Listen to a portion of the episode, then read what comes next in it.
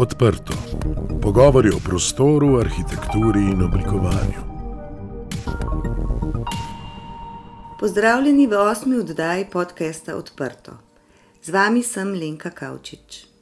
Danes se bomo pogovarjali z arhitektko Majo Ivanič, letošnjo prejemnico nagrade Častna članica Zbornice za arhitekturo in prostor Slovenije. Govorili bomo o njeni profesionalni poti, ki jo je med drugim pripeljala do tega, da se je posvetila snovanju izobraževalnih stavb, vrtcev in šol. Maja Ivanič že sedem let vodi arhitekturno galerijo Desa. Predseduje organizacijskemu odboru mednarodne konference Piranski dnevi arhitekture, pet let je bila tudi urednica revije Hiše. Leta 2008 sta z arhitektko Špelo Kuhar izdali knjigo Sodobna arhitektura šol v Sloveniji. Kasneje pa sta organizirali tudi mednarodno konferenco Sustainable School Buildings From Concept to Reality. V letu 2018 je soavtorji prejela nagrado Zbornice za arhitekturo in prostor Slovenije Zlati Svinčnik za vrtec 5 enota 5 carstva v Ljubljani. Njeno delo povezuje področje projektiranja, raziskovanja, promocije arhitekture ter publicistike. Arhitektura ima pomembno vlogo pri oblikovanju človekovega vedenja in spodbujanju interakcij. Kakšni so prostori in kako so zasnovani objekti, je še posebej pomembno za otrokov predšolski razvoj, ko so otroci najbolj dovzetni za dogajanje okoli sebe in se šele razvijajo. Izkušnje, ki jih pridobijo v mladosti, so zato pomembne za dojemanje sveta in oblikovanje njihove osebnosti. Ljudje imamo prirojeno sposobnost, da si zapomnimo in predstavljamo kraje in prostore, je dejal Johani Palazma. Pri oblikovanju arhitekture, namenjene otrokom, tako na nek način oblikujemo tudi otrokovo osebnost in vplivamo na vrednote prihodnjih generacij. Otroci so si različni, tako je tudi njihova uporaba prostorov, igra in interakcija specifična. Tradicionalni prostori pravokotne oblike in zaprte učilnice so zato vedno bolj zastareli in togi. Sodobni projekti vrtcev in šol iščejo načine za spodbujanje fizičnega, socialnega in kognitivnega razvoja ter omogočajo ustvarjalnost in svobodo igre. So fleksibilni in se prilagajajo različnim situacijam.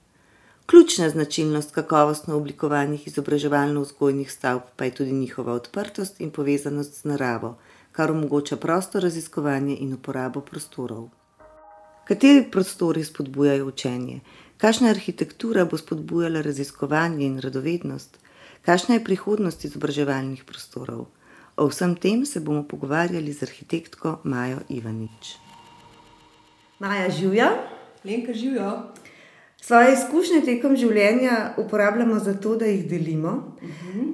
Pa me zanima, kakšna je bila tvoja izkušnja prostorov vrtca in šole v mladosti. Se spominjaš česa, kar te je tako zaznamovalo, da vpliva na tvoje delovanje tudi danes? Uh, Mila sem, no, ne vem, je to sreča ali pa ne takšna sreča, ampak um, ker smo bili tri otroci, se je nekako moja mama odločila, da ostane doma, zato nisem hodila v vrtec. Uh, in nekako kot otrok, niti nisem vedela, zares, da vrci obstajajo tam do enega, kaj pa vem, četrtega leta. No.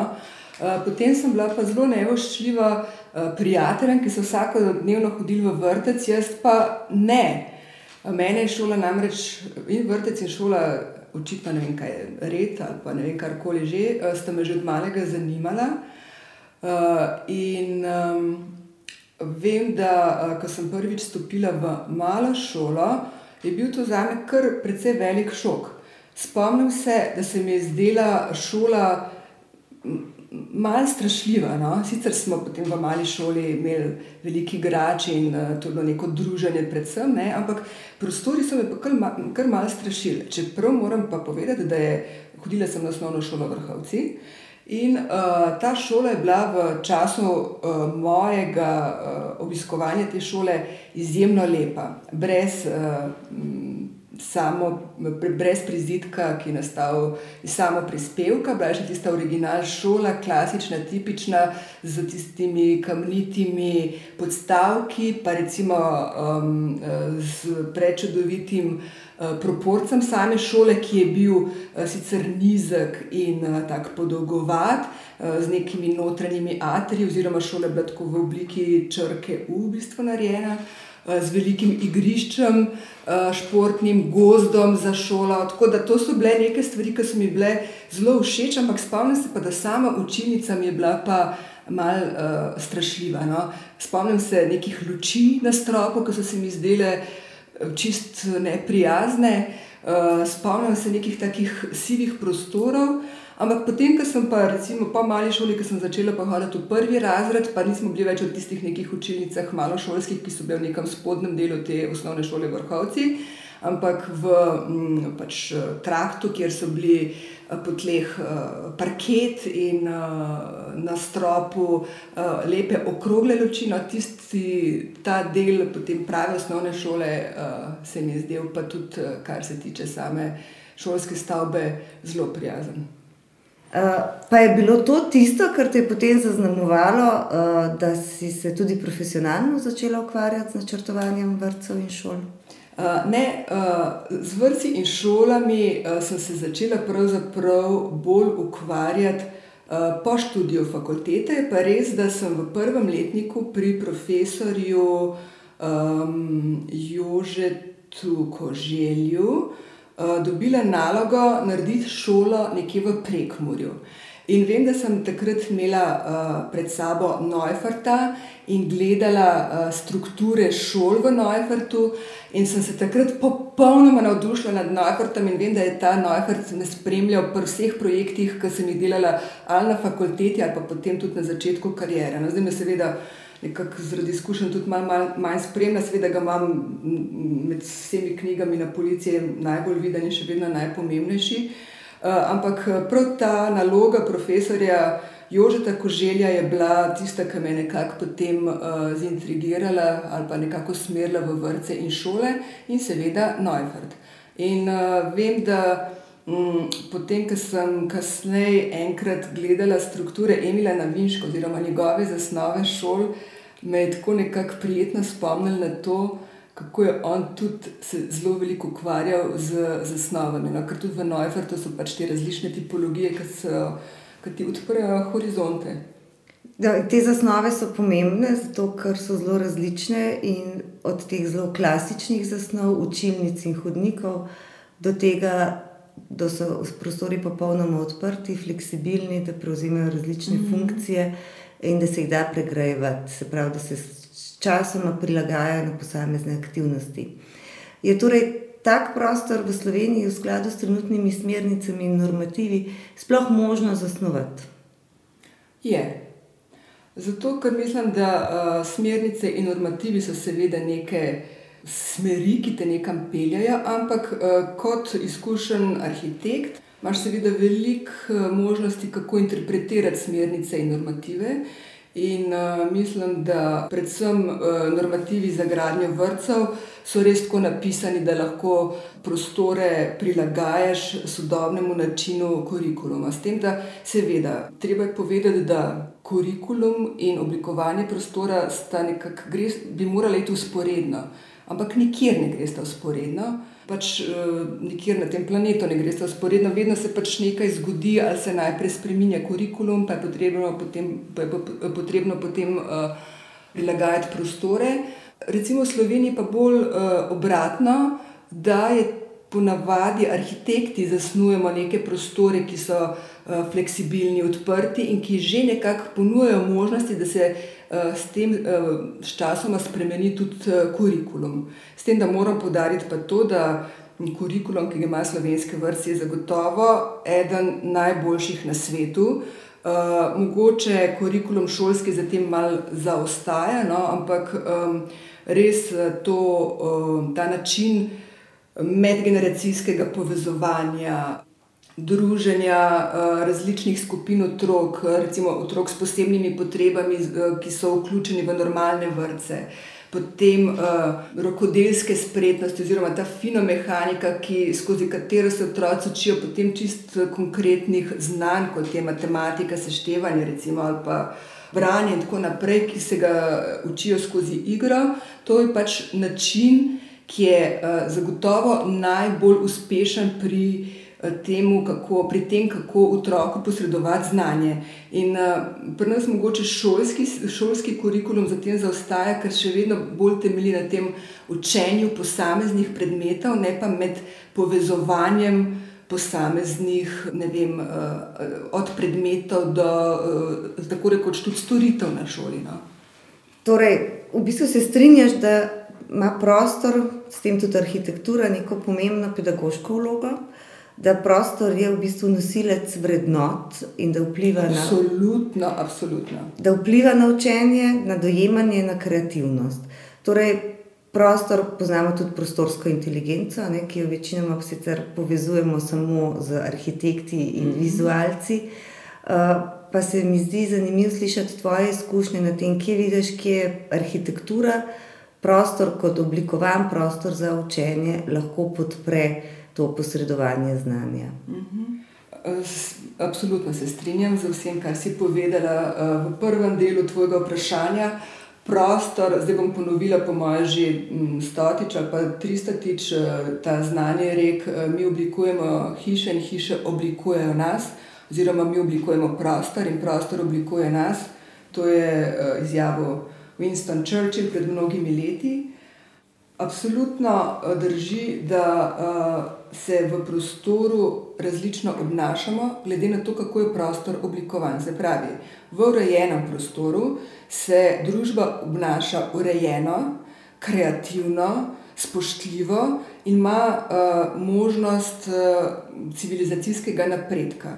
V neurejenih, degradiranih prostorih je to tako rekoč nemogoče. In zato recimo, mm, se tudi dogaja, da v de degradiranih prostorih se tudi ljudje obnašajo destruktivno, ne samo do prostora, ampak tudi, tudi drug do drugega. In prostor absolutno ima na nas veliko vpliv. Predvsem na podzavestni ravni, seveda, ker prostor uh, ne govori na glas, ne, prostor govori s svojo prisotnostjo. In um, največji vpliv ima zagotovo na otroke, ki, imajo, ki nimajo pravzaprav še možnosti s svojimi izkušnjami, mladim življenjem, niso, v svojem mladem življenju niso pridobili drugih izkušenj in imajo zato um, manj možnosti za primerjavo med tem, kaj je kakovostno in kaj ni kakovostno. In zato je za otroke res nujno oblikovati. Visoko kakovostne prostore, tako znotraj, kot zunaj vrtcev in šol. No, zdaj, če se vrnemo na vrtec 5-5. Uh, leta 2018 ste za vrtec 5-5, enota 5 carstvo, so avtori dobili nagrado Zlati Svinčnik. Kakšen je bil vaš razmislek pri stovanju tega vrtca, predvsem v smislu tega podpornega elementa prostora, ki vpliva na pedagoški proces in ki vpliva tudi na razvoj otrok v tem obdobju? Za začetek bom najprej kar takoj naštela so avtorje, ker ta projekt je bil res narejen uh, v skupini. Uh, na tečaju smo se lotili skupaj z uh, kolegico Anjo Planiščkovo, uh, mlajšim kolegom Andražem Intiharjem in krajinsko arhitektko Uršo Habič. Uh, in takrat smo se pač glede na uh, zunanje parametre te parcele odločili za krožno zasnovo. Uh, ki je bila seveda na tem natečaju prav zaradi okrožne oblike izbrana, ker se je tudi eh, žiri izdelo, da eh, prinaša eh, neke nove možnosti v prostorih vrca. Potem smo pa skozi sam projekt, samo projektno dokumentacijo, sodelovali res z več različnimi strokovnjaki. Recimo pri sami zona, ureditvi zunanje krajine ste potem prišla um, zraven v skupino tudi Andreja Zapušek in uh, Damien Črne. Uh, potem uh, opremo smo načrtovali skupaj z Neno Gabrovec. Ko pa smo na začetku pravzaprav snovali samo prostorsko razporeditev, sva z Anjo imela že nekaj izkušnje o, o tem odprej, ker sva že pred mnogimi leti, mislim, da ena ali dva vrca nekako um, delali prenove teh vrtcev, ampak to je bilo res že po mojem pred letom 2007. Potem, seveda, jaz sem imela veliko nekih izkušenj, uh, teoretičnih izkušenj skozi um, knjigo, ki smo jo naredili Špelo Kuharjevo. Uh, leta 2004 smo Špelo naredili tudi posebno izdajo revije Hiše, sva, ki jo tudi po, um, posvetili šolam in vrtcem. Tako da teh nekih naborov, uh, idej in uh, um, tega, kako je treba zasnovati prostor vrtca, da bo deloval čim bolj uh, prijazno otrokom, uh, teh idej je bilo kar velik. In res je, da ko smo razmišljali o prostoru, da smo vedno na prostor gledali iz perspektive, perspektive otroka. Se pravi, otrok, ki je visok, ne vem, od metra, še manjši od metra, pa potem recimo do metra 20, so vrčovski otroki, metra 30. Um, kako se mehen otrok, namreč to je pa zdaj tisto, vračam se na tisti svoj strah iz male šole. Um, kako otrok uh, v tej svoji višini, s to svojo višino, pravzaprav dojema prostor, ki pa je narejen po meri odraslih ljudi, v katerem morajo pač tudi odra, odrasli ljudje dobro funkcionirati, v katerem se mora ne na zadnje izmenjevati uh, zrak in tako naprej. Seveda v nizkih prostorih to ni mogoče. No, in um, potem smo zelo vel, velik poudarek dali ravno na te uh, prostorske proporce. In pa seveda na samo gibanje otrok. Recimo, kot otrok sem, so me vedno privlačili prostori, ki niso bili popolnoma odkriti, ampak prostori, kjer se je vedno nekaj skrivalo, recimo, ali pa kjer se je vedno, uh, kjer se je vedno nekaj pričakoval, kaj se bo zgodilo. In krožna zasnova z tem notrnim krožnim hodnikom uh, je ravno to, da ti tečeš ali pa greš, hodiš naprej, ampak vedno se za to. Uh, za, za krožno zasnovo, oziroma za tem krogom še nekaj skriva. Oziroma, ko hodiš naprej, nikoli ne vidiš čist do konca, ampak te ta uh, krog vleče naprej.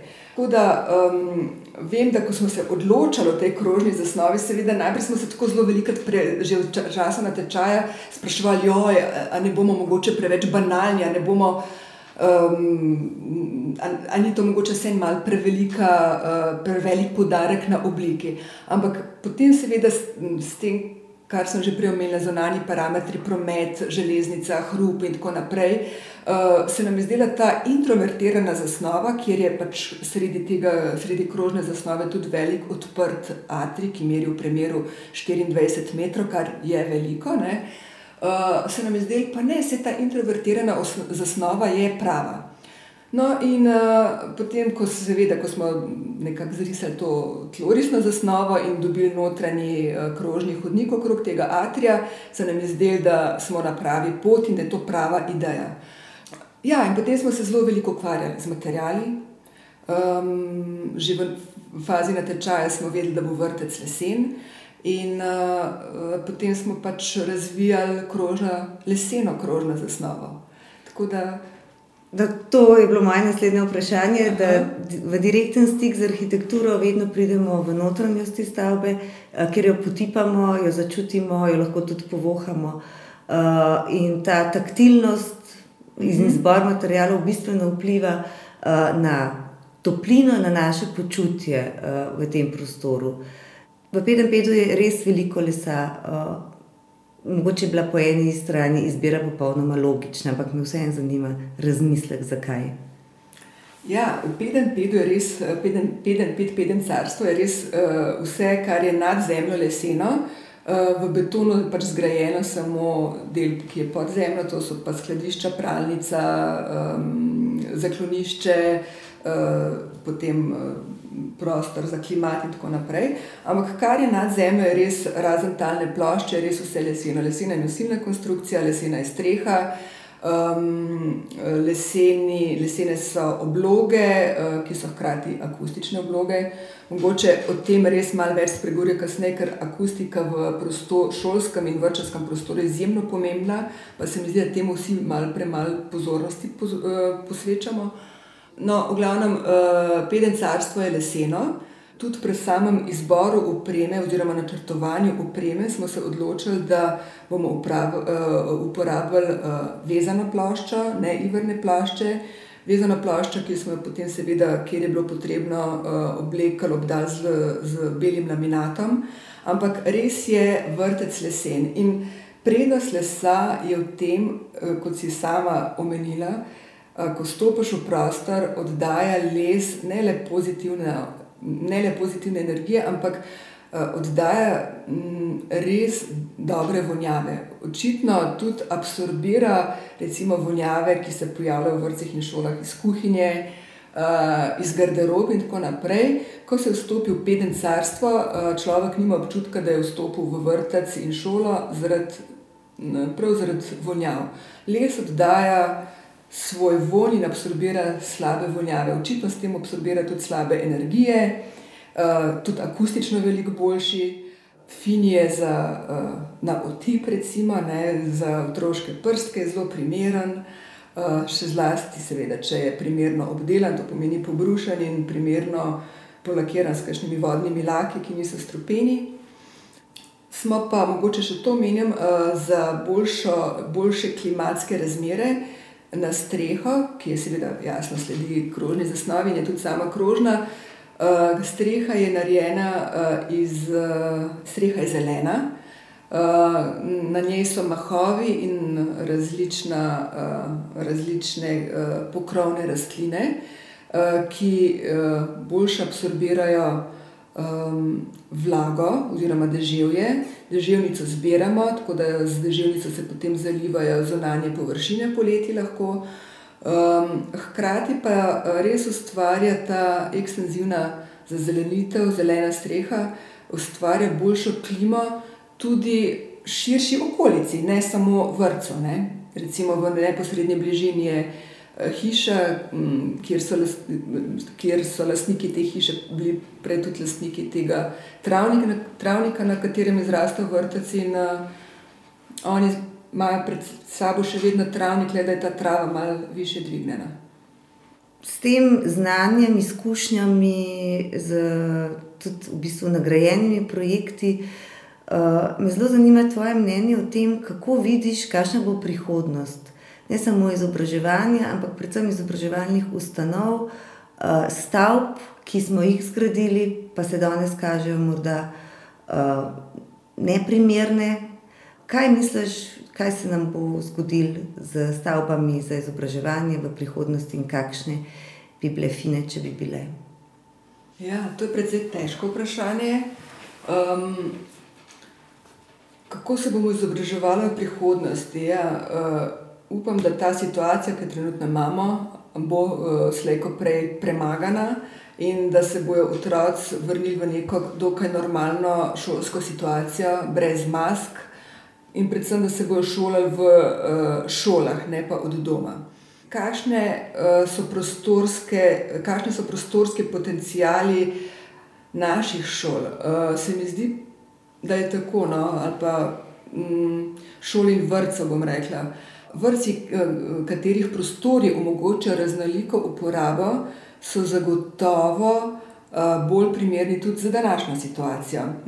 zato ker so tako fleksibilni, da lahko da jih lahko uporabljajo manjše ali večje skupine, da, da jih lahko uporabljajo za različne namene, da so povezani predvsem z zunanjimi prostori. Zelo zanimiva, zanimiva mi je bila zadnjič neka novica na Dnevniku, da je nekje zraven Peskarne je občina ponudila plažo, na kateri imajo otroci zdaj odprte učilnice. Ampak učilnice na prostem so zagotovo zdaj odlična možnost za izobraževanje tudi v času pač te naše pandemije. Šole pa, ki so nekako vztrajale na teh bolj zaprtih učilnicah ali pa mogoče pri šolah imamo, je bolj utrjen sistem učenja v razredu, ne skupnega učenja. Zdaj mogoče za samoizolacijo mogoče to celo boljše, ampak v prihodnosti pa mislim, da nekako sodobni kurikulum le narekuje to timsko delo, povezovanje različnih predmetov in tako naprej. V prihodnosti pa mislim, da se bodo morale naše šole, kar se tega tiče, predrugačiti, oziroma mm, recimo. Vsaj bolj povezati, če ne med sabo, pa z vem, pasažami, hodniki, kar niti ne bi bila velika, mislim, to niso neke velike spremembe, ne, so pa minimalne spremembe, s katerimi se lahko veliko doseže. Uh, poleg projektiranja, ne, zdaj vrtcev, šol, tudi drugih projektov, uh, delaš še druge stvari, vodiš arhitekturno galerijo Desa, pišeš članke, urednikuješ, uh, vodiš piranske dneve arhitekture. Uh, te kaj od tega najbolj veseli, ali te vse skupaj najbolj veseli? vse skupaj me najbolj veseli, čeprav je vse skupaj včasih tudi zelo težko. Uh, moram reči, da um, tako, no, res uh, Piranski dnevi je pač projekt, ki ga že delamo z kolegi 12 let.